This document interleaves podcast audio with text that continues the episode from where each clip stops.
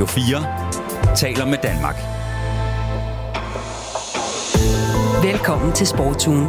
Din vært er Niklas Stein. Tilskuerne er flere, pengene er større, og spillet er bedre.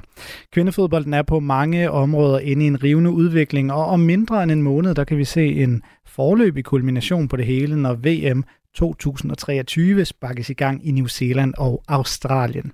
I dag der rydder Sportsugen fladen for, at du skal have en ordentlig og dybtegående guide til en af sommerens største sportsbegivenheder, hvor vi også selvfølgelig har dansk islet.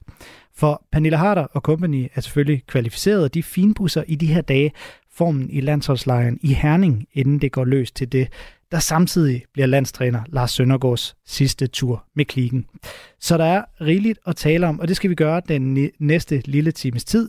Og jeg har i dag et meget kvalificeret panel med mig til at tage os igennem de danske chancer, profiler og turneringsfavoritter. Og så hører vi også fra både en af landsholdets øh, profiler og en af de allerstørste talenter. Men altså først Panelet, jeg har med mig i dag, det er Amalie Bremer, vært på Missionen på Radio 4 og på Kvindefodboldpodcasten, desuden medstifter af Kvindelandsholdets fanklub. Velkommen til, Amalie. Tusind tak, Niklas. Og den anden gæst i mit panel, det er Sofie Engberg Munk, der er journalist og fodboldkommentator på TV2 Sport. Også velkommen til programmet til dig, Sofie. Jo, mange tak, Niklas fremragende. Vi har god lyd på jer begge, det vil mm. sige, at vi er så klar til at komme i gang. Og jeg synes, det første, vi skal kaste os ud i, det er et øh, mere overordnet blik på kvindefodboldens udvikling, for det kommer jo det her VM på bagkant af en rivende udvikling de seneste års tid. Så lad os kaste os ud i programmet. Du lytter til Sportsugen på Radio 4. Jeg starter lige med at læse nogle tal op. For den 9. juni, meldte FIFA ud, at der er solgt, eller på daværende tidspunkt var solgt 1.032.884 billetter til VM. Og allerede på daværende tidspunkt, altså 9. juni, halvanden måned inden VM gik i gang, ja, der overgik det for længst. Det seneste VM 2019, der blev holdt i Frankrig. Så er der jo præmiepengene, for fodbold handler også om penge. I år der er øh, præmiepengene ved VM i fodbold på 150 millioner dollars. Det er også en stigning i forhold til 2019, og det er en stigning på, hold nu fast, 300 procent. 300 eller tre gange mere hedder det end 2019 øh, bliver der delt ud i præmiepenge til de, øh, de kommende øh, VM-hold, der altså slutter øverst på præmieskamlerne, og det er jo 10 gange mere end i 2015. Skal der også stadig med, at det er kun en tredjedel af, hvad der bliver uddelt til mændene. Så vi kan altså bare øh, se mod tallene, når vi skal snakke om øh, den udvikling, som kvindefodbolden er i lige pt.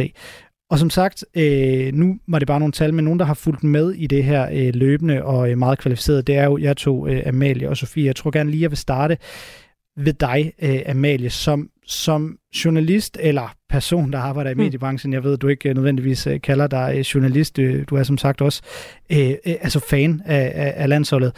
Men som en, der tydeligvis har beskæftiget sig med kvindefodbold kontinuerligt, hvordan ser du så på den her udvikling, som kvindefodbolden har været i, hvis vi kigger isoleret sådan over de seneste par år?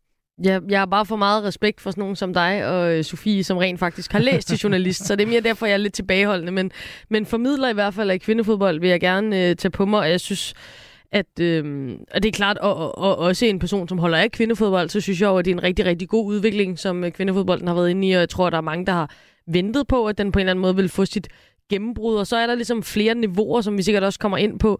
Øh, der er sådan et mere internationalt niveau, og så er der det danske niveau, hvor vi måske ikke er lige så meget med som mange af de andre, der, der buller der ud af. Men, øh, men jeg synes, at, at kvindefodbolden bevæger sig fremad og bevæger sig i rigtig mange gode retninger, og det er sådan set som forbruger også øh, interessant at kigge på. Der synes jeg især, der er, sådan, der, der er to ting, der er sjove at hive frem, fordi jeg tænker, at at der er mange, som måske har set øh, kvindefodbold sidst, mange danskere, som har fulgt med, da vi klarede det rigtig godt ved EM i 2017. Det er jo kun fem år siden. Øh, det er ikke særlig lang tid siden. Som måske vil tune ind på en kvindefodboldkamp igen for første gang i fem år, når der nu er VM her lige om lidt. Og der tror jeg altså, at der er nogen, der vil blive rigtig positivt overrasket, fordi det er sådan set både indpakningen, altså der er meget bedre produceret, masser af kameraer, masser af mennesker på lægterne, og så er det også øh, ja, det, som det hele handler om, jo fodbolden, som er blevet rigtig meget bedre, fordi der er investeret massive summer ude i klubberne og i øh, forbundene rundt omkring i hele verden. Så, så både på det ene og det andet og det tredje parameter, der, der bevæger kvindefodbolden sig frem, og det, det synes jeg selvfølgelig er super fedt.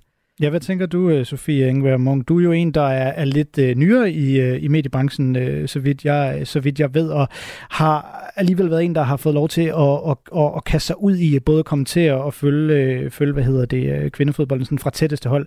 Så vidt jeg ved, har jeg også begge to været i landsholdslejren. Det kan vi lige øh, vende tilbage til.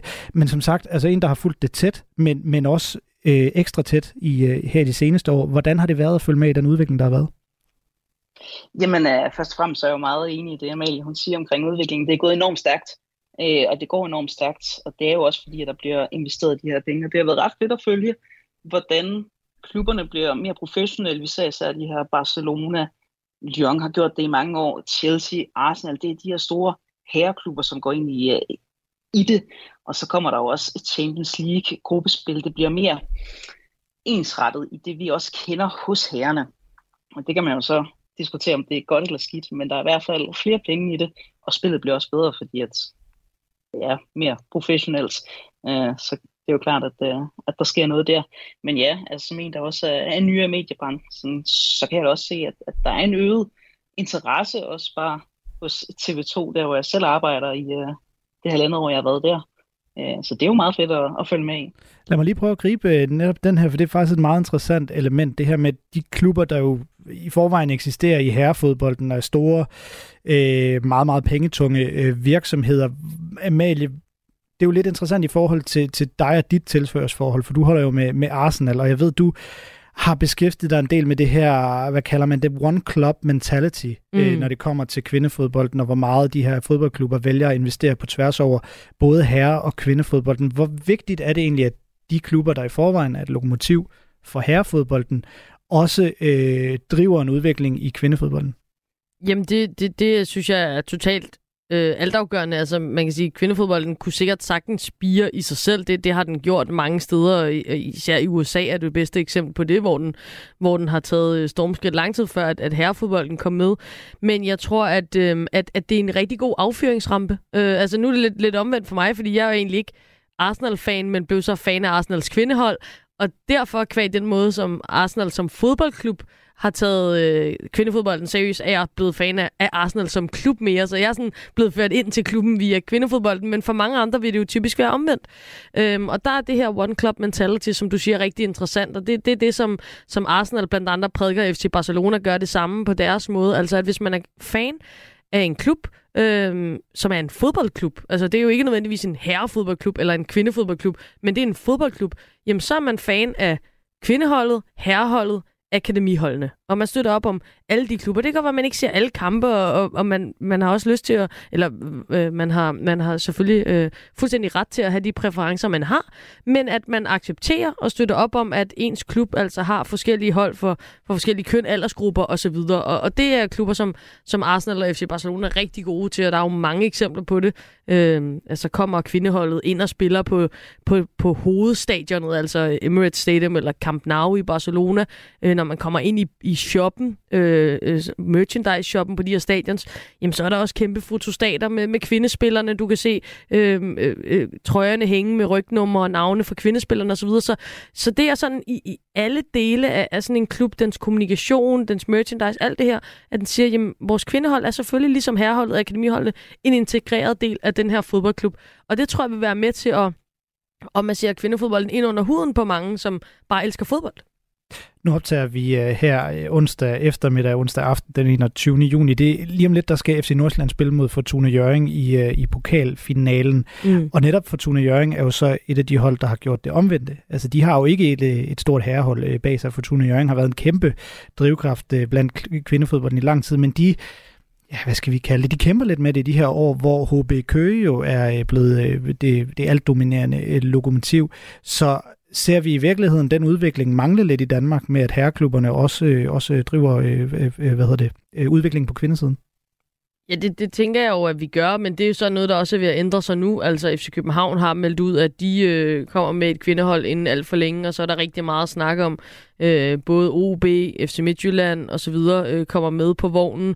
Øh, Brøndby med de nye amerikanske ejere, det er der mange, der har mange negative holdninger til. Men en ting, man kan sige om amerikanske ejere, det samme i HB Køge, jamen, det er jo, at de tager kvindefodbolden seriøst. Fordi der er en, en, en fin tradition for kvindefodbold i USA, så måske er Brøndbys kvindehold endelig kommer ind under den professionelle afdeling, og ikke til at ligge ude i, i amatørafdelingen.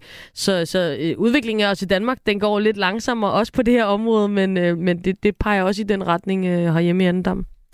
Sofie, når du jo er som sagt relativt ny i, i mediebranchen, så har du også forhåbentlig en, øh, en lang øh, karriere øh, foran dig, hvor du forhåbentlig også skal blive ved med at beskæftige dig med, med, med kvindefodbold. Så du har, en, du har en fremtid, du kigger ind i. Hvad gør dig mest positivt, positivt stemt for fremtiden, hvad angår kvindefodboldens udvikling? Jamen, øh, meget enkelt det, der er en øget interesse for det. Også øh, for folk, der normalt ikke tænker kvindefodbold. Det er noget, de gider se. Øh, øget interesse, øh, øget indtægter, investering, det er, at altså, piger, kvinder, der gerne vil spille fodbold, har muligheden for rent faktisk også at kunne leve af det, og ikke bare skulle tænke på uddannelse, på job ved siden af det gør mig positivt stemt også i forhold til at skulle, skulle dække det, fordi når vi har et bedre produkt, så er det også sjovt at dække. Der er jo også sket det, det seneste, det seneste år, de seneste måneder, at vi har set nogle meget markante jeg bruger ordet eller termet spilleroprør øh, mm. for ligesom at, at, at dække, dække over det. Vi har set i Frankrig, at spilleren tydeligvis har været meget, øh, meget utilfredse med landstræneren gennem mange år, Corinne Diacre, Øh, I Spanien er der de her Las Quince, de, de, de 15, som det hedder, som, som i virkeligheden måske er det mest interessante, altså 15 profiler, som jo har valgt øh, ikke at stille op til landsholdet, fordi de er utilfredse med både landstræneren Jorge Vilda og i forlængelse deraf øh, selve dem, der leder øh, kvindefodbolden i Spanien via sjovt nok hans far. Øh, og, og dem, der så skal til VM, det, er, det kunne man, man troede, at de her 15 ikke skulle til VM. Det, det er der så blevet justeret lidt på. Der er nogen, der har valgt at gå med, og det kan måske komme lidt ind på øh, senere. Men, men, og lignende oprør har vi tidligere set, især i USA. De har jo, de har jo øh, drevet meget af det her i forhold til øh, lige, øh, lige ret i øh, lige vilkår, hvad angår øh, både kvinder og, øh, og mænd, når, når de skal spille fodbold. Der har USA på mange måder været et, et forgangsland, og igennem flere år og så kan jeg også lige nævne, at der også har været noget lignende i, øh, i Canada, hvor spillerne også har stået op øh, for deres rettigheder og, og sagt, at vi vil ikke mere, øh, hvad angår nogle, nogle forhold. Og det er altså noget, der sådan er sket inden, inden for de seneste år, altså de her episoder i Frankrig, Spanien, USA og, og Canada. Det er jo noget, der tydeligvis, tror jeg godt, man kan konkludere, skubber på, at der bliver kigget på, at man skal have lige vilkår. Kan det også have været noget, Sofie, som har skadet kvindefodbolden? Jamen både og. Altså selvfølgelig er det, øh, altså, det er aldrig rart, at spillerne selv skal ud og ligesom sætte deres karriere eller deres landsholdskarriere på spil i forhold til at få ordentlige forhold. Altså det, det, det, der, det der er ikke nogen, der har lyst til at se. Øh, lad sig ske. Der, hvor det kan være positivt, det er selvfølgelig, hvis der sker de her forandringer, og de får det, de rent faktisk fortjener. Men det kræver også, at sådan nogen som Spanien, at, at at de her spillere, de har, der er jo en grund til, at de har sagt, at de ikke har lyst til at spille under Roka Vilda. Han er stadig landstræner. Det er stadig ham, der står for det. Spørgsmålet er så, hvor meget er der ændret? Øh, skal de virkelig sætte deres eget landsholdskarriere på spil, for at de kan få de rigtige, øh, de rigtige forhold? Det synes jeg ikke er fedt. Øh, og det synes jeg heller ikke er positivt, hverken for kvindefodbolden eller for fodbold generelt. Øh, normalt så vil man jo gerne have, at der er ordentlige forhold for alle. Men øh, positivt, at der sker noget, hvis der sker noget. Og det er jo det, der det tyder på. Og Amalie, øh, lidt, lidt, lidt samme spørgsmål. Altså, de her mm. sager, jeg nævner, de har jo efterhånden, det har efterhånden været nogle historier i, i både måneder og år. Så er der, er der kommet de ændringer ud af det, man kunne have håbet? Øh, er de så rent faktisk, øh, er de rent faktisk effektueret? Ja, nogle steder er de, nogle steder er de ikke. Altså som Sofie siger, i, i Spanien er det jo øh, ikke. Altså Jorge Vilda er stadigvæk øh, landstræner, øhm, og, og til gengæld er der så foregået nogle lukkede forhandlinger, der har fået en del af de her øh, Lars Kinse, som du sagde, øh, 15 spillere tilbage. Øh, tre af dem holder, holder stadigvæk fast. Øhm, I Frankrig lykkedes det jo at få Corinne Diacre afsat, og de har nu, øh, måske nogen vi kende, er Renard, som var træner for Saudi-Arabiens herrelandshold under VM i Katar. Øhm, har de nu fået ind som, som landstræner, så det er jo spændende til VM. Nu skal vi snakke VM lidt senere, om han bliver nøglen til at forløse et, et meget, meget talentfuldt fransk landshold, som altid flopper lidt til slutrunder. Øh, måske blandt andet, fordi de har haft en landstræner, der ikke kunne finde ud af at styre det. Men jeg, jeg vil måske tage lidt en, en anden indgangsvinkel ind i det, hvis jeg, hvis jeg må et kort mm. øjeblik, som, som, som betragter, altså jeg formidler selvfølgelig kvindefodbolden og, og, og behandler det som jeg godt, som, som, så godt som jeg kan, men jeg er jo også fodboldfan, uh, det vil jeg aldrig lægge skjul på. Og der vil jeg sige, altså der, der, der kan kvindefodbolden noget, som, som jeg nogle gange savner i herrefodbolden, og det er jo så min helt subjektive mening. Men det her med, at øh, spillerne er hele mennesker med holdninger og følelser, og meninger til forskellige ting, som de ikke er bange for at gå ud og tale om.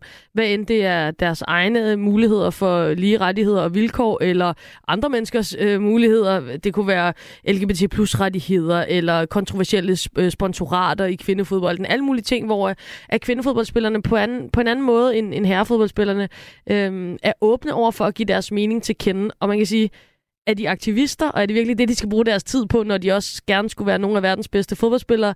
Øh, det ved jeg ikke, om det sådan ud fra et fodboldmæssigt perspektiv er super positivt, men for mig som fan, der kan jeg rigtig godt lide, at øh, man har nogen, man kan spejle sig i, og måske sige, nå hey, de, de var sgu friske på at sige noget om, om den her sag, som også ligger mig på sinde, så nu bliver jeg endnu øh, gladere for at følge dem osv. Altså der, der kan kvindefodbolden noget, synes jeg, fordi de her spillere ikke er bange for at vise, hvem de er, hvis man skal bruge et, øh, et rigtig Kasper Julemand-udtryk.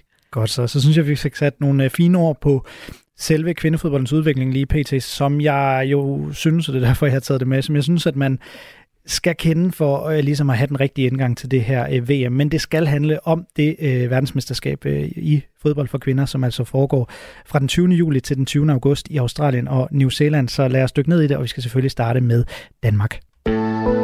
Du lytter til Radio 4.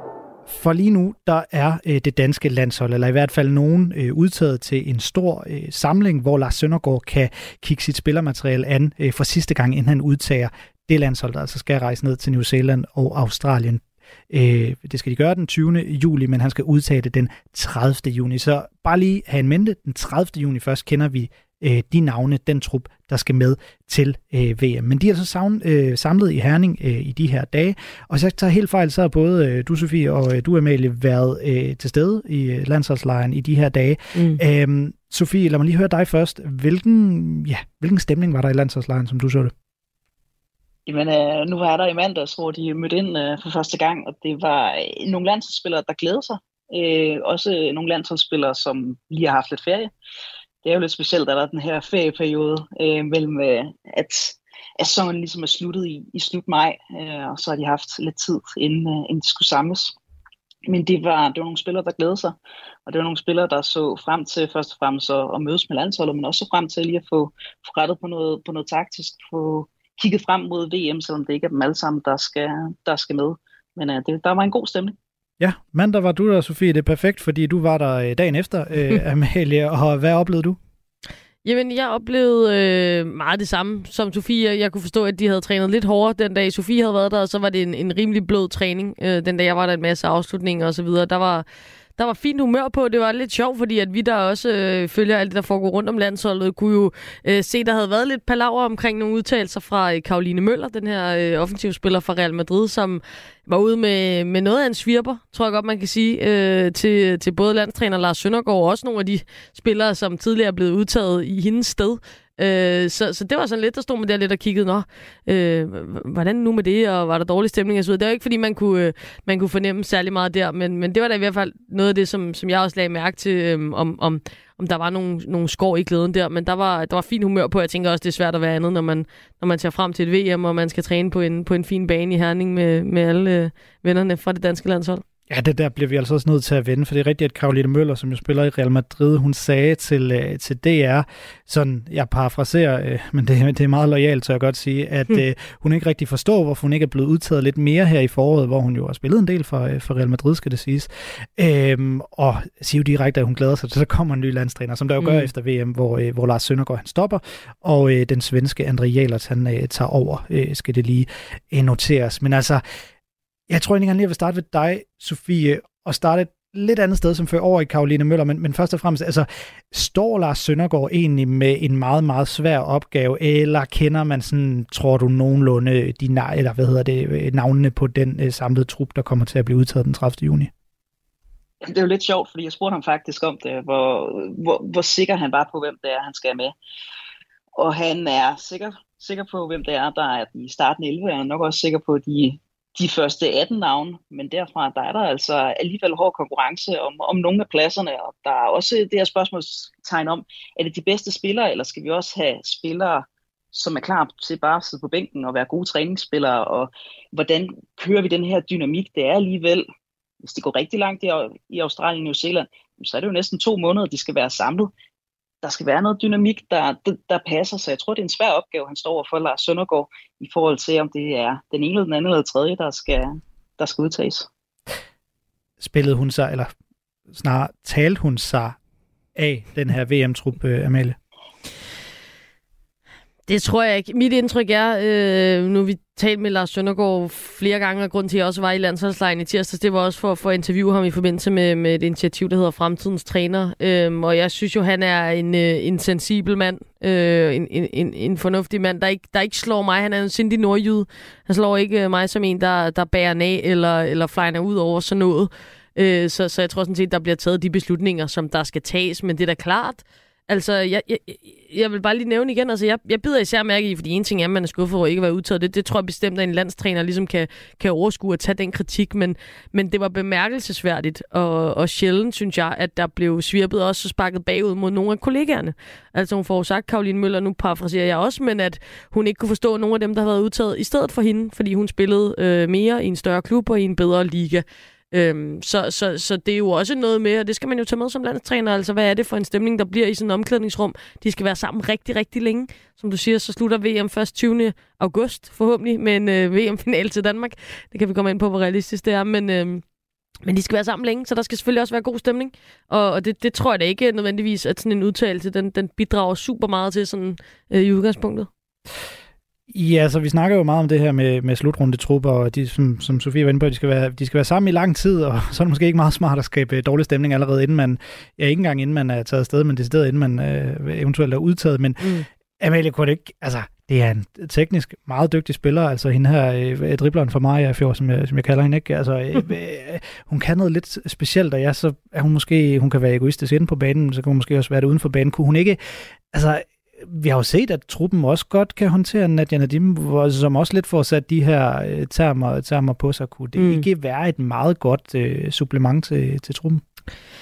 Altså, jeg har ikke noget horn i siden på Karoline Møller overhovedet. Jeg synes, hun er en vidunderlig fodboldspiller. Jeg synes, det er rigtig fedt, at hun har, jeg ved ikke, man kan sige, fået sit endelige gennembrud, men i hvert fald brudt mere igennem i Real Madrid, end hun har gjort tidligere. Har også lige fået forlænget sin kontrakt, så det er jo, det er jo også et super godt øh, blåstempel at få. Jeg, jeg tror simpelthen bare, at at, øh, at der er andre, der er foran hende lige nu. Altså, øh, der, der er også, og det er jo så synd for Karoline Møller, kan man sige, men, men der er også en Mille Geil, som, øh, som også har været inde i landsholdsvarmen tidligere, som begynder at røre rigtig meget på sig i sin amerikanske klub øh, lige nu. Og der, der er en del strenge at spille på i det offensive, så, så, så det er da klart, at... Øh, at, at, at der er kamp om pladserne, og der, der, der virker det bare ikke til, at man har kigget Karoline Møllers vej tidligere. Øhm, så, så jeg vil da blive øh, lettere overrasket, hvis man lige pludselig vælger at gøre det øh, i en VM-slutrunde, og så især med sådan en udtalelse i bagagen. Mm. Sofie, har du en øh, tilføjelse til det?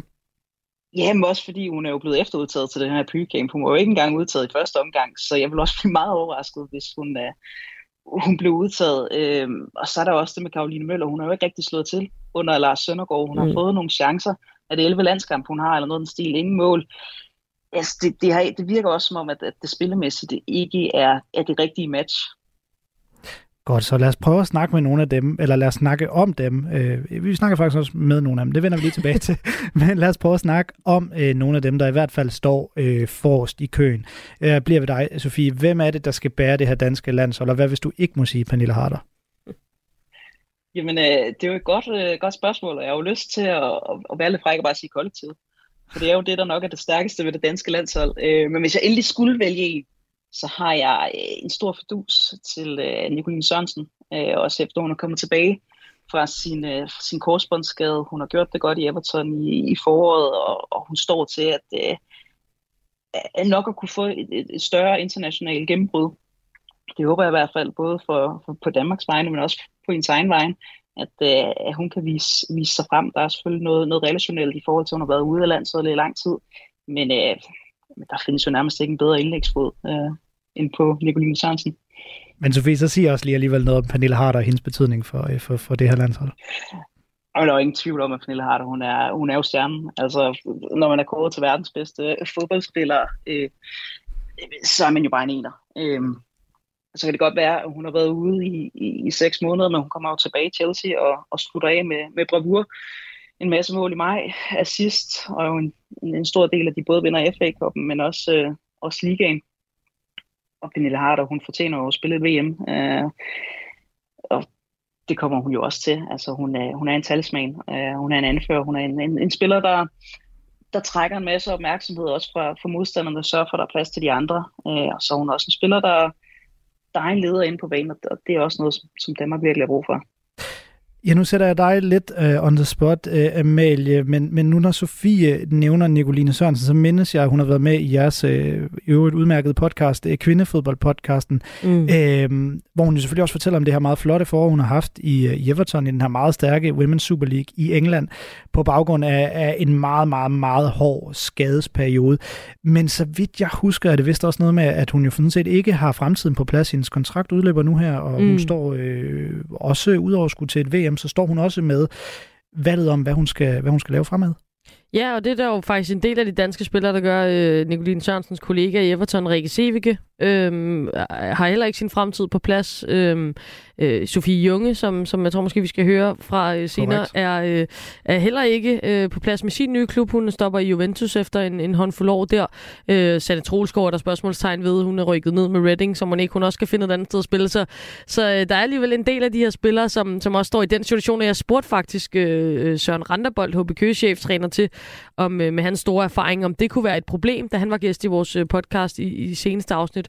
Og det, det, fordi jeg havde samme tanke som dig, tror jeg, sådan, og skal det nu ligge og spøge og sådan noget, når man skal fokusere på et VM? Og der sagde han faktisk jo godt med danske briller, at, at det mente han ikke. Altså, der var nogle agenter, der tog sig af det, og må ikke det også kom på plads, eller var på plads, og så hørte man bare først om det senere. Så, så det var selvfølgelig gode nyheder i den forbindelse. Ja, Sofie Junge er en af dem, der ikke, øh, der ikke ved, øh, eller vi officielt i hvert fald ikke ved, hvor hun skal vi spille ved efter. det i hvert fald ikke. Nej, vi ved det i hvert fald ikke. Skal vi lige høre, skal vi ikke lige høre, om hun selv vil fortælle det? Nej, det kan jeg ikke. Nej, det kan hun desværre ikke fortælle, sagde hun, da, da jeg spurgte hende tidligere i dag. Vi vender lige tilbage til Sofie. Jeg tror, hun bliver i Italien, så er det sagt. Ja, okay, det er godt. Det, det, det, det er noteret. Det, hun har haft øh, fire rigtige, fire et halvt faktisk. Det spurgte hende tidligere, da jeg sagde, hun har haft fire år i, Juventus. Der rettede hun mig sagde, hun har altså haft fire et, halvt, øh, fire et halvt. Og det synes jeg sagde noget om, at det i hvert fald har, har sat sig meget på det her, mm. det her ophold i Juventus. Men Sofie Junge vender vi lige øh, tilbage til senere. For jeg vil nemlig også lige høre dig til det her, Sofie, med at øh, som sagt, der er en del af de her øh, profiler, eller dem vi må formode skal med til VM for Danmark, som jo ikke har fremtiden i orden, hvad angår deres øh, klubhold, i hvert fald ikke øh, officielt. Sådan var det også længe med Pernille Harder, vi vidste, hun ikke skulle, skulle fortsætte i, i Chelsea.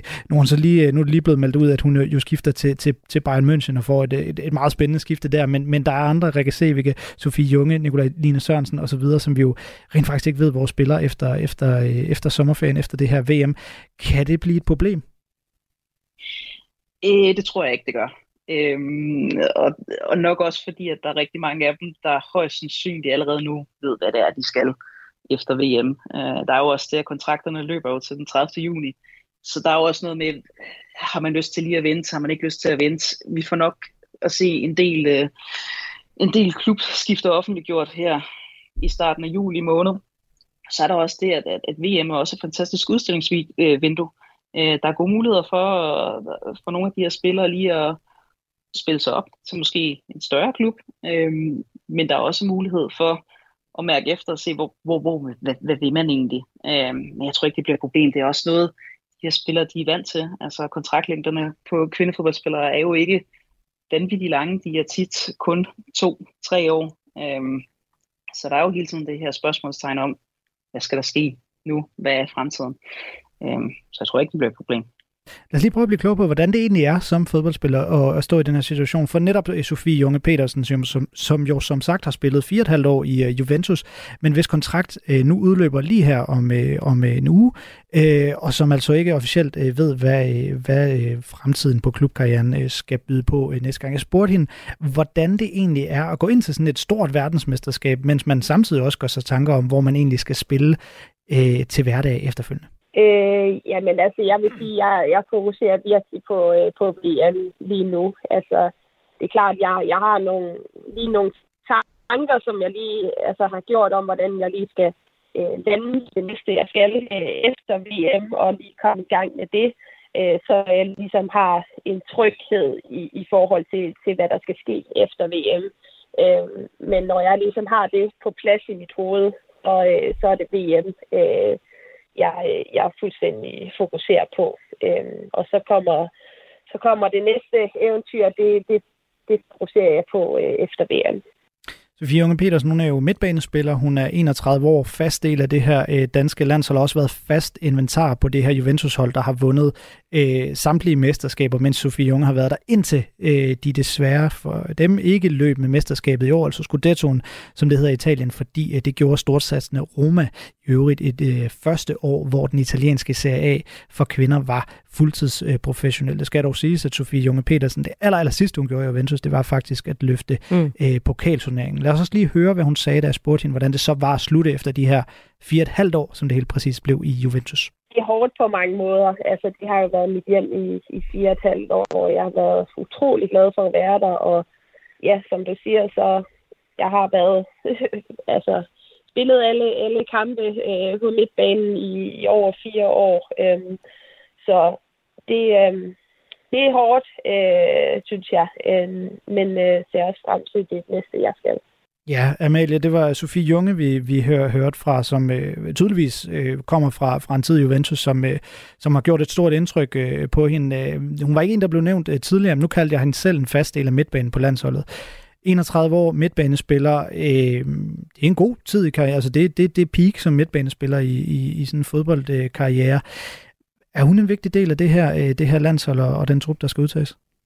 Ja, det er hun. Øh, det er hun bestemt, men, men hun er ikke en, en lige så instrumental del af, af det her landshold, som hun har været. Øh, det, det er gået rimelig hurtigt øh, sådan i forhold til, til den her midtbane, hvor at man måske har haft en, et, et, et lille øh, generationsskifte. Altså øh, Karen Holmgaard er kommet ind, Katrine Kyl, det her kæmpe talent fra Arsenal, som vi sikkert kommer ind på øh, senere, er også kommet ind. Så, så hvor vi tidligere har set øh, Sanne Troelskov og Sofie Junge øh, ligge derinde og, øh, og, øh, og, og, og klare ærterne, så, så er der ved at komme, komme nye kræfter til. Josefine Hasbo kunne man også nævne øh, derinde. Så, så jeg er faktisk lidt spændt på øh, Sofie Junges rolle under det her VM. Altså hun, hun kommer til at spille en, øh, en, en vigtig rolle i forhold til bare at være en, en fantastisk erfaren spiller, og en spiller, som man kan bringe i spil, når man har brug for noget ro. Hun er et, et virkelig godt anker på sådan et bane, samtidig med, at hun gør, laver nogle gode afleveringer frem i banen.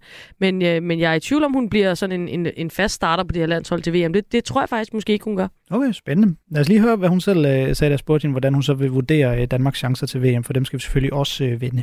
Ja, men jeg, øh, jeg tror virkelig på vores hold. Øh, jeg, jeg synes, det er helt realistisk, at, at vi kan gå videre fra, øh, fra puljen. Øh, og så ved jeg faktisk ikke lige, hvem vi kan blive parret med i næste, næste runde. Øh, men øh, vi går ind til hver eneste kamp øh, med målet om at, at vinde. Øh, og jeg tror fuldt og fast på, at, at vi kan øh, komme videre fra gruppen i første omgang. Øh, og så øh, må vi se derfra. Men øh, vi lægger os aldrig ned. Øh, vi, vi træner og kæmper hver dag for, at, at vi kan vinde øh, over alle hold. Øhm, så det vil vi i hvert fald gøre vores, vores bedste for. Øhm, og jeg, jeg håber, at der er mange, der vil følge med hjemmefra, øh, fordi jeg tror virkelig på, at vi kan, vi kan gøre noget stort til det her VM. Ja, det sagde Sofie Junge øh, Petersen om øh, Danmarks chancer ved det her VM, som jo bliver en del af en gruppe, det har slet ikke sagt, øh, bestående af udover Danmark, Haiti, Kina og så europamesterne fra, fra England. Og Sofie, Ja, Sofie Engberg Munk, Sofie Junge Petersen siger her, at, øh, at hun øh, virkelig tror på, at øh, Danmark kan nå ud af, af gruppen, og lad os da endelig snakke om chancerne. Er du enig? Er det, det er selvfølgelig første delmål, men er du også så optimistisk, som jeg synes, Sofie Junge lyder her? Øhm, jeg plejer altid at være optimistisk, øh, og jeg er også optimistisk på, på, på Danmarks vegne med den her gruppe og jeg er ikke den eneste, der er optimistisk. Øh, når jeg også talt med, med journalister fra, fra andre lande, så er det jo også Danmark, de nævner, som, som dem skal blive nummer to øh, bag England, som jo må sige sig at være favoritter. De er europamester. Øh, det kan godt være, at de mangler nogle spillere, men, øh, men England er stærke. Det er denne her nøglekamp, den første kamp mod Kina, det er den, der bliver vigtig. Øh, og det er den, som ligesom kommer til at afgøre, om, om Danmark får et, et, et godt mester, verdensmesterskab, eller et, øh, et noget skuffende med, med tre kampe og, og hjem. Fordi Kina er sådan en, en ubekendt faktor. Øh, der er ikke rigtig nogen, der ved, hvad, hvad de egentlig laver. De, øh, de samler jo landsholdet, og så træner de i øh, et par måneder, og så møder de op til, til de her mesterskaber, som de altid klarer det godt i. Øhm, men, men Danmark bør og skal tro på den spillertrup, som vi har. For det, altså, det er godt, vi er nummer 13 på verdensranglisten. Vi viste øh, fine resultater. Altså, Danmark skal gå, gå videre for den her gruppe. Amalie, er du enig i den øh, analyse? Ja, jeg tror, jeg tror helt kort, man kan sige, altså alt kan jo ske, så, så måske går vi ikke videre, men, men, men hvis Danmark skal øh, øh, spille til par i forhold til de forventninger, som, som danskerne kan tillade sig at have, og som jeg også ved, landsholdet selv har, så skal man gå videre fra den her gruppe. Øh, det er der absolut ingen tvivl om, ellers så, øh, så, så er man bare ikke klar til at spille en rolle ved, ved et VM i hvert fald, og så kan jeg jo sige, øh, at, at hvis jeg ikke husker helt galt, så er det gruppe B, vi bliver parret med i en eventuel øh, 8. delsfinale. Det er så, øh, ja, hvis de her sidninger holder osv., så er det så Australien eller Canada, der vil være, øh, der vil være matchet der, og det tror jeg sådan set er, er, er, er rigtig fint. Det kunne i hvert fald være værre, så, øh, så, så, men i første omgang gå videre, øh, det er det helt klare succeskriterie for Danmark, og det skal vi også kunne. Og det er altså, øh, Sofie, du udpeger øh, åbningskampen mod Kina som, øh, som øh, nøglekampen. Det er super at øh, ligesom komme i gang med den med det samme. Jeg kunne lige nævne, at den bliver spillet den 22. juli øh, kl. 14 øh, dansk tid. Jeg bliver lige ved dig, Amalie, men først skal vi lige høre, øh, for vi skal nemlig høre fra, øh, ja, jeg kan lige introducere, hvem hun egentlig er. Det kan hun selv gøre. Jeg hedder Katrine Møller Kyl, og jeg er 19 år, og jeg spiller midtbane i Arsenal selvfølgelig, øh, og det er derfor, jeg hentyder til dig. Amalie, vil du ikke lige først sætte øh, nogle ord på det store håb, som jeg godt vil kalde hende i den danske trup. Katrine Køl, som jo øh, ved årsskiftet skiftede fra FC Nordsjælland til øh, Arsenal, som er en rigtig, rigtig stor klub i øh, kvindefodbold, skal det lige siges, mm. og som, bare for min egen regning, har haft et flot øh, første halvår i, øh, i Arsenal. Når hun har fået nogen rolle på det her landshold, og, og jeg siger også gerne noget om, hvor stort det her potentiale hos den her unge spiller er. Ja, jeg, jeg tror, hun kommer til at spille en stor rolle øhm, på det her landshold til, til VM til sommer. Altså, hun havde jo en ærgerlig ople- øh, oplevelse til EM i sommer i England, hvor at, øh, hun jo totalt ulig hende som type, det skal folk jo vide, som ikke måske ser så meget kvindefodbold. Hun er en sindssygt elegant, kreativ øh, spiller, som har det vildeste blik for spillet, altså ser nogle afleveringer, som vi andre end dødelige aldrig nogensinde vil komme til at se. Øh, og, og, og, øh, og så får hun så et rødt kort øh, med, med, efter hun bliver skiftet ind med ganske få minutter tilbage i den her afklapsning mod Tyskland ved den første kamp ved EM i sommer, øh, som jo helt klart også har rystet hende som en ung spiller. Så, så det var ikke en god oplevelse ved hendes øh, første slutrunde, så hun skal ind og tage revanche. Jeg tror, hun kommer til at spille en stor rolle. Altså, nu er der selvfølgelig lidt... Øh, Pernille Harder kan spille flere steder på banen, måske trukket lidt længere tilbage, men skal Pernille Harder være vores nier, og det er hende, vi skal, skal, øh, skal kigge efter til vores mål, eller Signe Brun for den sags skyld, jamen så er det altså Katrine Kyl, som skal ligge lidt længere tilbage på midtbanen og, og trække i trådene. Hun ligger nogle altså man skal gå ind på, på YouTube eller Twitter, eller hvor man ser sin, og, og se nogle af de afleveringer, hun ligger øh, til, til Stina Blackstenius på det her Arsenal-hold. Altså temperaturen, den lille køl, hun giver den, så den lige lander direkte ned foran. Altså hun, hun behandler bolden på en helt særlig måde, og, og, og du, du kan lægge afleveringer til hende, tyre den ind på hende i, i knæhøjde, og så klister den bare fast til hendes fødder. Altså Katrine Kyl er en virkelig, virkelig talentfuld fodboldspiller, som Danmark kommer til at nyde godt af i rigtig mange år. Ja, Sofie, kan, kan, altså, kan, kan, hvad hedder, Katrine Kyl hedder hun, undskyld, kan Katrine Kyl ende med at ikke nødvendigvis blive en starter, men, men sådan en kanin i hatten for, øh, for Lars Søndergaard? Jeg tror også, hun kommer til at starte. Det tror jeg også. Øhm, okay. Ja, ja, altså fuldstændig. Øh, hun er det her kreative omgang, eller omdrejningspunkt på midtbanen. Øh, og så har det her forår, hvor hun har fået mere spilletid i Arsenal, end, end hun nok havde forventet. Og det er jo, fordi Arsenal har været pænt ramt af, af skader. Og det har jo gjort, at der lige pludselig er blevet plads til, til Katrine Kyl. Øhm, og det her halve år har helt sikkert modnet hende øh, en hel del. Og så samtidig med, at nu har hun fået sin, øh, sin slutrunde debut, det gjorde hun sidste, sidste sommer, som normalt rigtig nok siger, så var det jo ikke det mest heldige øh, med et rødt kort, og, og denne her rolle, som vi havde håbet på, hun ville kunne spille til EM, fik hun ikke rigtig lov til at forløse. Det tror jeg, hun gør til VM. Ja, lad os prøve at høre øh, fra hende, fordi jeg snakkede også øh, med Katrine Køhl. Egentlig, egentlig lidt pinligt, jeg står her og spiller, øh, spiller lydklip, når jeg står i Aarhus af den her landsholdslejr, der foregik i Herning, mens jeg har dig, Sofie, med fra Odense, og jeg har dig, Amalie, med fra København. I har begge to været i landsholdslejren, men øh, lad, nu, lad nu det ligge. Jeg snakkede på en lidt skrættende telefonforbindelse med øh, Katrine Køhl og hørte hende selv, hvordan hun egentlig har, øh, har eller vil kategorisere sit første halve år i udlandet, som jo øh, har været i Arsenal. Jamen, jeg synes, det har været mega spændende og lærerigt, og en sådan stor tilvændingsproces, synes jeg. Øhm, altså, det er jo min første tid væk fra Danmark øh, og væk fra familie, og første tid med at flytte ud og så videre. Så sådan, det har virkelig været spændende at opleve. Øhm, og det har også krævet meget sådan tid, hvor man skulle ligesom vente sig til det hele. Øhm, men jeg synes, ja, det har virkelig været fedt at prøve at komme ud og at opleve lidt af det højeste niveau øhm, inden for kvindefodbold for tiden.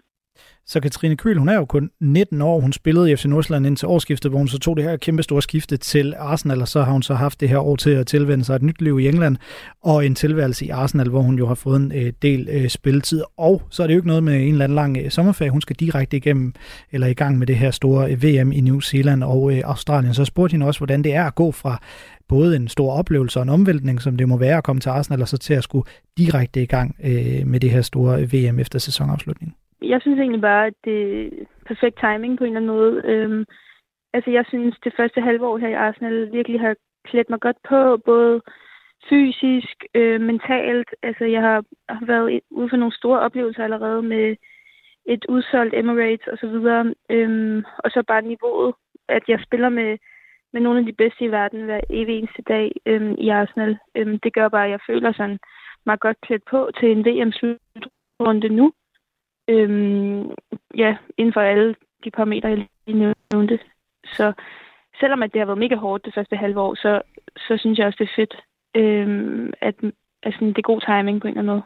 Nu snakkede vi her i øh, studiet øh, om øh, Katrine Kyls mulige rolle på landsholdet, på landsholdet til VM. Lad os lige høre, hvad hun selv tænker om sin rolle som sagt, så føler jeg mig godt klædt på fra øh, en halv sæson i Arsenal, hvor at, ja, jeg har virkelig skulle vende mig til at spille på højeste niveau, og sådan noget helt andet, end da jeg spillede hjemme i Nordsjælland. Øhm, øhm, så jeg føler mig godt klædt på, men fokus nu er også bare, nu er vi i pre-camp, øhm, komme ud og mærke bolden lidt igen efter noget pause, øhm, ja, få fundet hinanden igen, og virkelig rart, at man kan lægge klubben lidt til side nu, øhm, så fokus kun er på landshold og hvordan vi præsterer som hold, og selvfølgelig også viser frem, så man forhåbentlig kan komme med til et VM. Øhm, så ja, jeg tror, det er bare vildt vigtigt, at, at vi finder hinanden øh, som hold, og vi gør hinanden gode, og det kan vi jo bruge de her pre-camps til især. Ja, sådan sagde øh, Katrine Kyl. Og Amalie, lad mig lige høre dig sætte nogle ord på, øh, på Katrine Kyl og det, du siger her, fordi som sagt, hun spiller fra, fra dit favorithold. Øhm, Arsenal, hvad, hvad, hvad tænker du, når du hører øh, Katrine Kyls øh, refleksioner her om det, øh, det første halve år i Arsenal, som du jo også tydeligvis har fulgt tæt?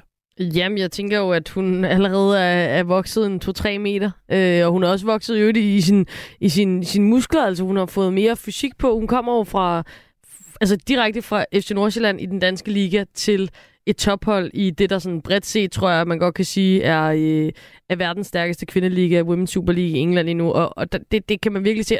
Umiddelbart vil man jo sige, det er et for stort spring. Det, det kan 19 år ikke, så skal hun ind og starte på noget, på noget ungdomshold eller bygge op på en eller anden måde. Der er hun jo bare blevet smidt i ilden, som, som jeg også var inde på i forhold til alle de skader, der har været og sådan noget. Så hun er virkelig vokset hurtigt øhm, og jeg har fået noget mere krop på, og, og, og fået noget mere selvtillid. Også bare synes jeg, når, når, når hun svarer på, på dine gode spørgsmål her i klippene, Niklas, altså, det, det er en ung spiller, men det er også en spiller, som, som virkelig har rettet ryggen, og, og, og det er bare så positivt for Danmark. Altså, så kan jeg sidde her som Arsenal-fan og være begejstret for, at der spiller en, en dansker i Arsenal, men det, det er så godt for Danmark, og hun er et af de største talenter i kvindefodbolden på verdensplan. Og, øh, og det, er bare, øh, det er bare helt fantastisk, at hun har dansk pas, og at hun er i en så stor klub som Arsenal, hvor hun har en, en fantastisk lærermester i øh, erfarne Kim Little, som spiller på øh, midtbanen, som, som jeg ved også, Katrine læner sig meget op af, øhm, og har jo bare øh, lyttelapperne ude, store ører, store øjne osv. hver dag til træning, som man også kan høre. Øhm, og det, øh, det kommer Danmark til gode. Det, det er meget godt. Jeg må indrømme, jeg havde nærmest også øh, forberedt mig forkert til det her interview, for jeg havde sådan lidt taget for givet, at, at, at Katrine Køhl måske ville sige, at ja, okay, det, det, det har været meget at skulle starte i Arsenal, og så skulle i gang med det her kæmpe store øh, VM, øh, nærmest inden man, øh, eller lige efter man lige havde afsluttet sæsonen. Men, men Sofie, det lyder også som en spiller, der altså ligefrem allerede glæder sig til det her VM, og, og en spiller, der på den måde jo egentlig også har en meget god mentalitet. Jamen, det tror jeg også, hun har, og jeg kan da godt forstå, at hun glæder sig til VM. Det tror jeg, at alle fodboldspillere gør. Øh, at det er jo også for første gang i, i 16 år, at Danmark kvalificerer sig. Øh, og så er det jo bare en spiller, der elsker at spille fodbold, øh, og er fantastisk dygtig til det. Hun er jo teknisk øh, vidunder. Øh, men ja, jeg tror også, det der med at vælge at tage skridtet til Arsenal, det kræver også sådan en, en god mentalitet, fordi som 19-årig, så er du jo ikke garanteret en startplads. Øh, du er ikke garanteret spilletid overhovedet. Det er en læringskurve, det er en læringsproces, og den har hun også gået, gået flot ind til. Øh, og det er jo også givet hende nogle spilleminutter, og giver selvfølgelig også selvtillid frem mod et VM. Ja, som du også øh, selv nævner, Sofie, så har Danmark jo faktisk ikke været med til en VM-slutrunde siden 2007. Danmark har ikke kvalificeret sig til de seneste tre øh, VM-slutrunder. Det kan måske være lidt underligt, når vi nu er i gang med sådan et optagsprogram til VM og begynder at snakke om tiden efter øh, VM. Men, men det er jo lidt interessant i, øh, i den her situation, Danmark står i, hvor Lars Søndergaard, vi ved, det er hans sidste runde, øh, det er hans sidste, hvad skal man sige, det er hans sidste omgang med, med, med det her landshold, han stopper. Og øh, vi ved så, øh, hvis det blev præsenteret for ganske nylig, at svenske André Jelers, der lige nu er i gang med at gøre sæsonen færdig i Lønköping FC, han, øh, han overtager efter øh, Lars Søndergaard.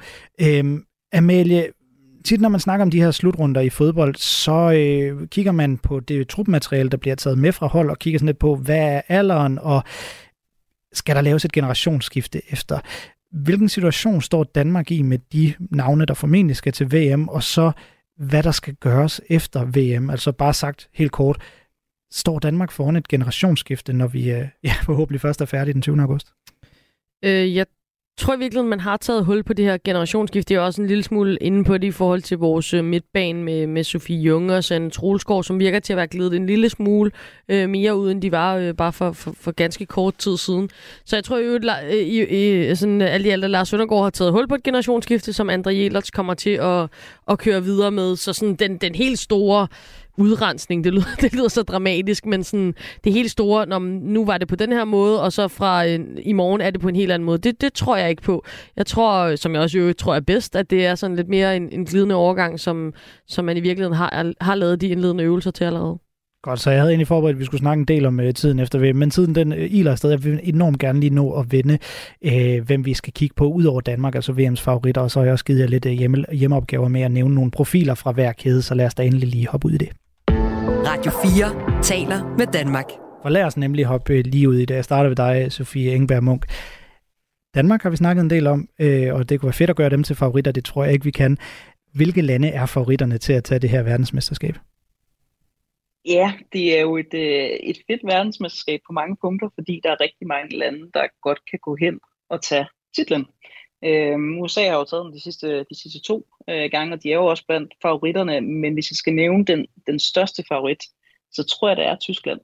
Øh, trupmæssigt ser de stærke ud, de er ikke voldsomt ramt af, af skader, og de har bare et, et, fedt koncept, der, der er svært at spille imod. Øh, Europamesterne fra, fra England er selvfølgelig også altid et, et godt bud, men de er jo ramt af de her korsbåndsskader, især til, til Anthony Williamson og til EM-topscorer Beth Mead, øh, Frank Kirby, øh, offensiv profilen er også ude med en skade. Men ja, altså, der, der er mange muligheder. Jeg kunne også nævne Spanien, øh, jeg kunne nævne øh, Sverige, jeg kunne nævne øh, Frankrig, jeg kunne nævne Brasilien, øh, som vi overhovedet ikke snakker nok om, synes jeg. Det er jo også et, et fedt landshold, som, som gør det rigtig godt. Øh, så rigtig mange profiler, det er jo meget fedt. Det, det er godt med konkurrence. Ja, Amalie, er du enig? Ja, ja, ja altså, øh, jeg har ja, mange af dem, Sofie nævner, Tyskland, Frankrig, Spanien, England, USA, øh, og så, så min gode marker Werner, som, som er øh, øh, halvdelen af kvindefodboldpodcasten, han, øh, han, han tror på Australien, på hjemmebanen, Matildas, mm. som er øh, ekstremt populære i deres hjemland, og som helt sikkert kommer til at blive båret frem af en masse fans på en masse store udsolgte stadions til den her øh, VM-slutrunde. Det synes jeg egentlig også er et, meget frækt bud. De har jo bare Sam Kerr, den her angriber fra Chelsea, som er fuldstændig ustoppelig, når det ellers kører. Så, så det er også stærkt, men, men jeg er enig i det, Sofie siger. Altså, for mig at se, så er øh, Tyskland sådan med min fornuft de største favoritter, og så er jeg alligevel sådan, jamen USA, altså vi kan bare aldrig afskrive dem. Der er en vinderkultur i det land og på det landshold og inden for deres kvindefodbold, som er fuldstændig uimodståelig. Sofie, har du noget at tilføje? Jamen, jeg, jeg er også enig med Australien. Det kunne godt gå hen og blive den, øh, den her dark horse øh, hjemmebane, der fører dem frem. Også fordi de har jo Sam Kerr, hun er jo en, en vanvittig angriber, men også bare en, en god trupsammensætning, og så er deres øh, træner, deres svenske træner, også fået, øh, fået styr på tropperne. Vidunderligt. Øh, de startede lidt... ja, ja. Øh, han har simpelthen fået, øh, fået styr på det hele. Øh, og de står også øh, stærkt, har jo slået England i, i en træningskamp. Det eneste nederlag, som Serena Wigman øh, har fået øh, i hendes trænertid øh, hos ja, de engelske europamester. Og det er jo også en præstation i sig selv, selvom det er en træningskamp. Godt, så jeg har, jeg har bedt jer øh, begge to om at komme med nogle navne på de største øh, profiler fra øh, hver række. Og øh, den svenske træner hedder Tony Gustafsson, tror jeg lige, jeg vil tilføje, mm. kan det passe? Ja. Det gør han, ja. Fra, øh, fra Australien. Øh, så hvis vi kan klæde lytterne på, der måske ikke kender så meget til, til kvindefodbold, til, klæde dem på til, til, hvem de lige skal holde øje med fra, øh, fra, øh, fra hver øh, kæde, så øh, vil jeg starte med dig, Amalie. Hvis du skulle nævne en, en målmand, hvilken øh, vil du så fremhæve, der, der formentlig kommer til at spille ved det her VM? Jamen, jeg er enig i, at øh, England øh, nok ikke kommer til at, øh, at løfte pokalen til sidst, som de gjorde ved EM, men jeg synes jo, deres målmand, Mary Earps, som spiller i Manchester United, er også blevet, blevet kåret til årets målmand sidst, man, udgav, man gav de priser. Hun er øh, en, en virkelig underholdende målmand. Masser af sådan udtryk også i hende, og, og er en kæmpe vinder, øh, og også altid klar med nogle fede redninger og sådan noget, så, så hende vil jeg kigge særligt på. Ja, har du noteret andre, Sofie? Jamen, øh, jeg kigger jo på, øh, på, min, på mine tyske favoritter. Mm. Øh, Merle Frons øh, er jo bare en helt fantastisk keeper, og, og stod jo også et fantastisk EM, øh, og er også bare en, man, man skal holde øje med. Og så vil jeg sige, undskyld, jeg bryder, jeg ved, tiden flyver, Niklas, men, men uh, Misse Musse, Lene, Anne Mur og Christensen, hun havde nogle gode redninger til EM, og nu har hun været lidt skadet, men er på vej tilbage med, i, i Rosenborg og så videre.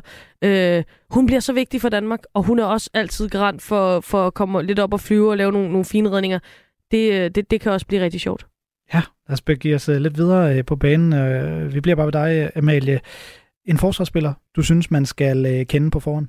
Jamen, når jeg nu ikke kan nævne uh, Lea Williamson fra England, og uh, en af vores fælles favoritter, Niklas ja. Marpileon ja. fra Spanien, som, som desværre ikke kommer med, uh, så vil jeg uh, nævne Selma Bachar, tror jeg det udtales, uh, som er bak fra Frankrig, og som uh, suser op og ned af den side, og som uh, altid er, er vidunderligt underholdende og offensiv og, og genial. Uh, så, så, så hun er en fornøjelse at kigge på, synes jeg. Ja, Sofie, en forsvarsspiller. Ja, jamen, øh, ja, det er jo lidt ærgerligt, at man ikke kan sige Leo Williamson eller Marby Leon. Men jeg vil jo gerne gå med, med Marbys uh, normale øh, centerback-partner, både i Barcelona og på Spanien, den spanske anfører Irene Paredes, mm. som er bare en, en kriger, uh, fuldstændig vanvittig også i sine taklinger, og, og, og den lederskab, hun bare udstråler. Helt fantastisk, selvfølgelig. Skide godt. Og en midtbanespiller, Sofie? Ja, øh, jeg er særlig glad for midtbanespillere. Jeg har jo lyst til at sige øh, 30 midtbanespillere, som kunne være fede. Øhm, og jeg tror, jeg vil gå med et, øh, et alternativ bud, også fordi jeg tror, at Amalie siger, siger mit, øh, et spansk bud, så jeg vil gå med en tysker, Lena Oberdorf. det var ja. mit bud. det var dit bud. Jeg troede, du ville sige Alexia Puteas. Ja, ja, ja. Ja, men den er også for ja, verdens bedste altså... fodboldspiller, ikke? Kan vi lige blive enige om det? Jo, ja, ja. Er hun ikke det? Jo, ja. Puteas, ja. Verdens bedste på Thæs. Øhm, ej, jeg vil gå med Lena øh, Oberdorf. Øh, jeg er bare vild med, med Lena Oberdorf, det her unge tyske talent, som skal spille sit andet VM. Øh, og jo er en, en tank på banen. Øh, det er den bedste måde at beskrive hende på, øh, synes jeg. Øh, jeg går bare ind i, i taklingerne, er fed, fed midtbanespiller, som bare er, er god at holde øje med. Og så vil jeg faktisk gerne lige nævne en anden en. Mm. Det bliver ikke lektie. Mm. Men uh, Kira Walsh, mm er jo måske en af de mest undervurderede spillere, og jeg synes jo faktisk, hun var, hun var verdens bedste sidste år, øh, hvis man kigger over hele 2022. Øhm, og en stor del af det engelske europamesterskab, hvor hun jo virkelig bare styrer midtbanen, ligger afleveringerne, øh, dirigerer, som, øh, som hun nu kan. Øh, hun er vanvittigt dygtig Barcelona-spilleren. Skide godt, og jeg hørte, du også øh, havde skrevet øh, Lene Oberdorf øh, ned og tiden løber, som sagt også Amalie. Så du får lov til at sige en angriber. Jamen, der synes jeg, at, øh, at øh, vi har været inde på Pernille Harder. Hun kommer til at blive fuldstændig instrumental for, for Danmark, og jeg håber, at der er masser af mennesker, danskere, som vil få øjnene op for det her ikon øh, inden for kvindefodbolden øh, på verdensplan. En superstjerne, som har dansk pas, og, øh, og jeg under hende så meget. En VM-slutrunde. Øh, men derudover, så er det altså Sam Kerr fra Australien, som øh, kan få altså blive udødelig i øh, det her sportsgale land, som er VM-værter den her gang. Og vi kommer til at se hende lave flikflak, når hun scorer masser af, af gode mål. Øh, vanvittigt underholdende spiller. Fed type. Øh, Sam Kerr, jeg tror, jeg tror sgu, det bliver hendes VM-slutrunde. Ja, Sofie, du får ultra kort. Du får, ja, skal vi give dig en 10-15 sekunder til at bare lige nævne et navn? Øh, øh, jamen, jeg gør det meget. Jeg vil også sige Sam Kerr. Ja. Altså, det største australske navn, der er på hjemmebane. Hun er en, en showwoman, og det her, det kommer hun til at elske. Fremragende. Vi havde desværre kun 55 minutter, men jeg håber, at vi har klædt lytterne øh, nogenlunde godt på til det her øh, verdensmesterskab i fodbold for kvinder, som altså starter den 20. juli i Australien og New Zealand og kører helt til 20. august, hvor vi jo håber, at Danmark er dem, der skal stå med trofæet. Du har lyttet til en ja, lidt speciel udgave af øh, Sportsugen på Radio 4, som kun handlede om øh, VM. Du kan øh, lytte til os igen på næste torsdag kl. 13-14, og jeg kan selvfølgelig godt love, at vi kommer til, når vi når øh, den 20. juli og frem, og følge det her øh, fodbold-VM ganske tæt. Husk, du altid kan skrive til mig på nick radio4.dk, det er nic på radio4.dk, og øh, lyt endelig med næste gang. Tak fordi du lyttede med. Du har lyttet til en podcast fra Radio 4. Flere episoder i vores app, eller der, hvor du lytter til podcast. Radio 4 taler med Danmark.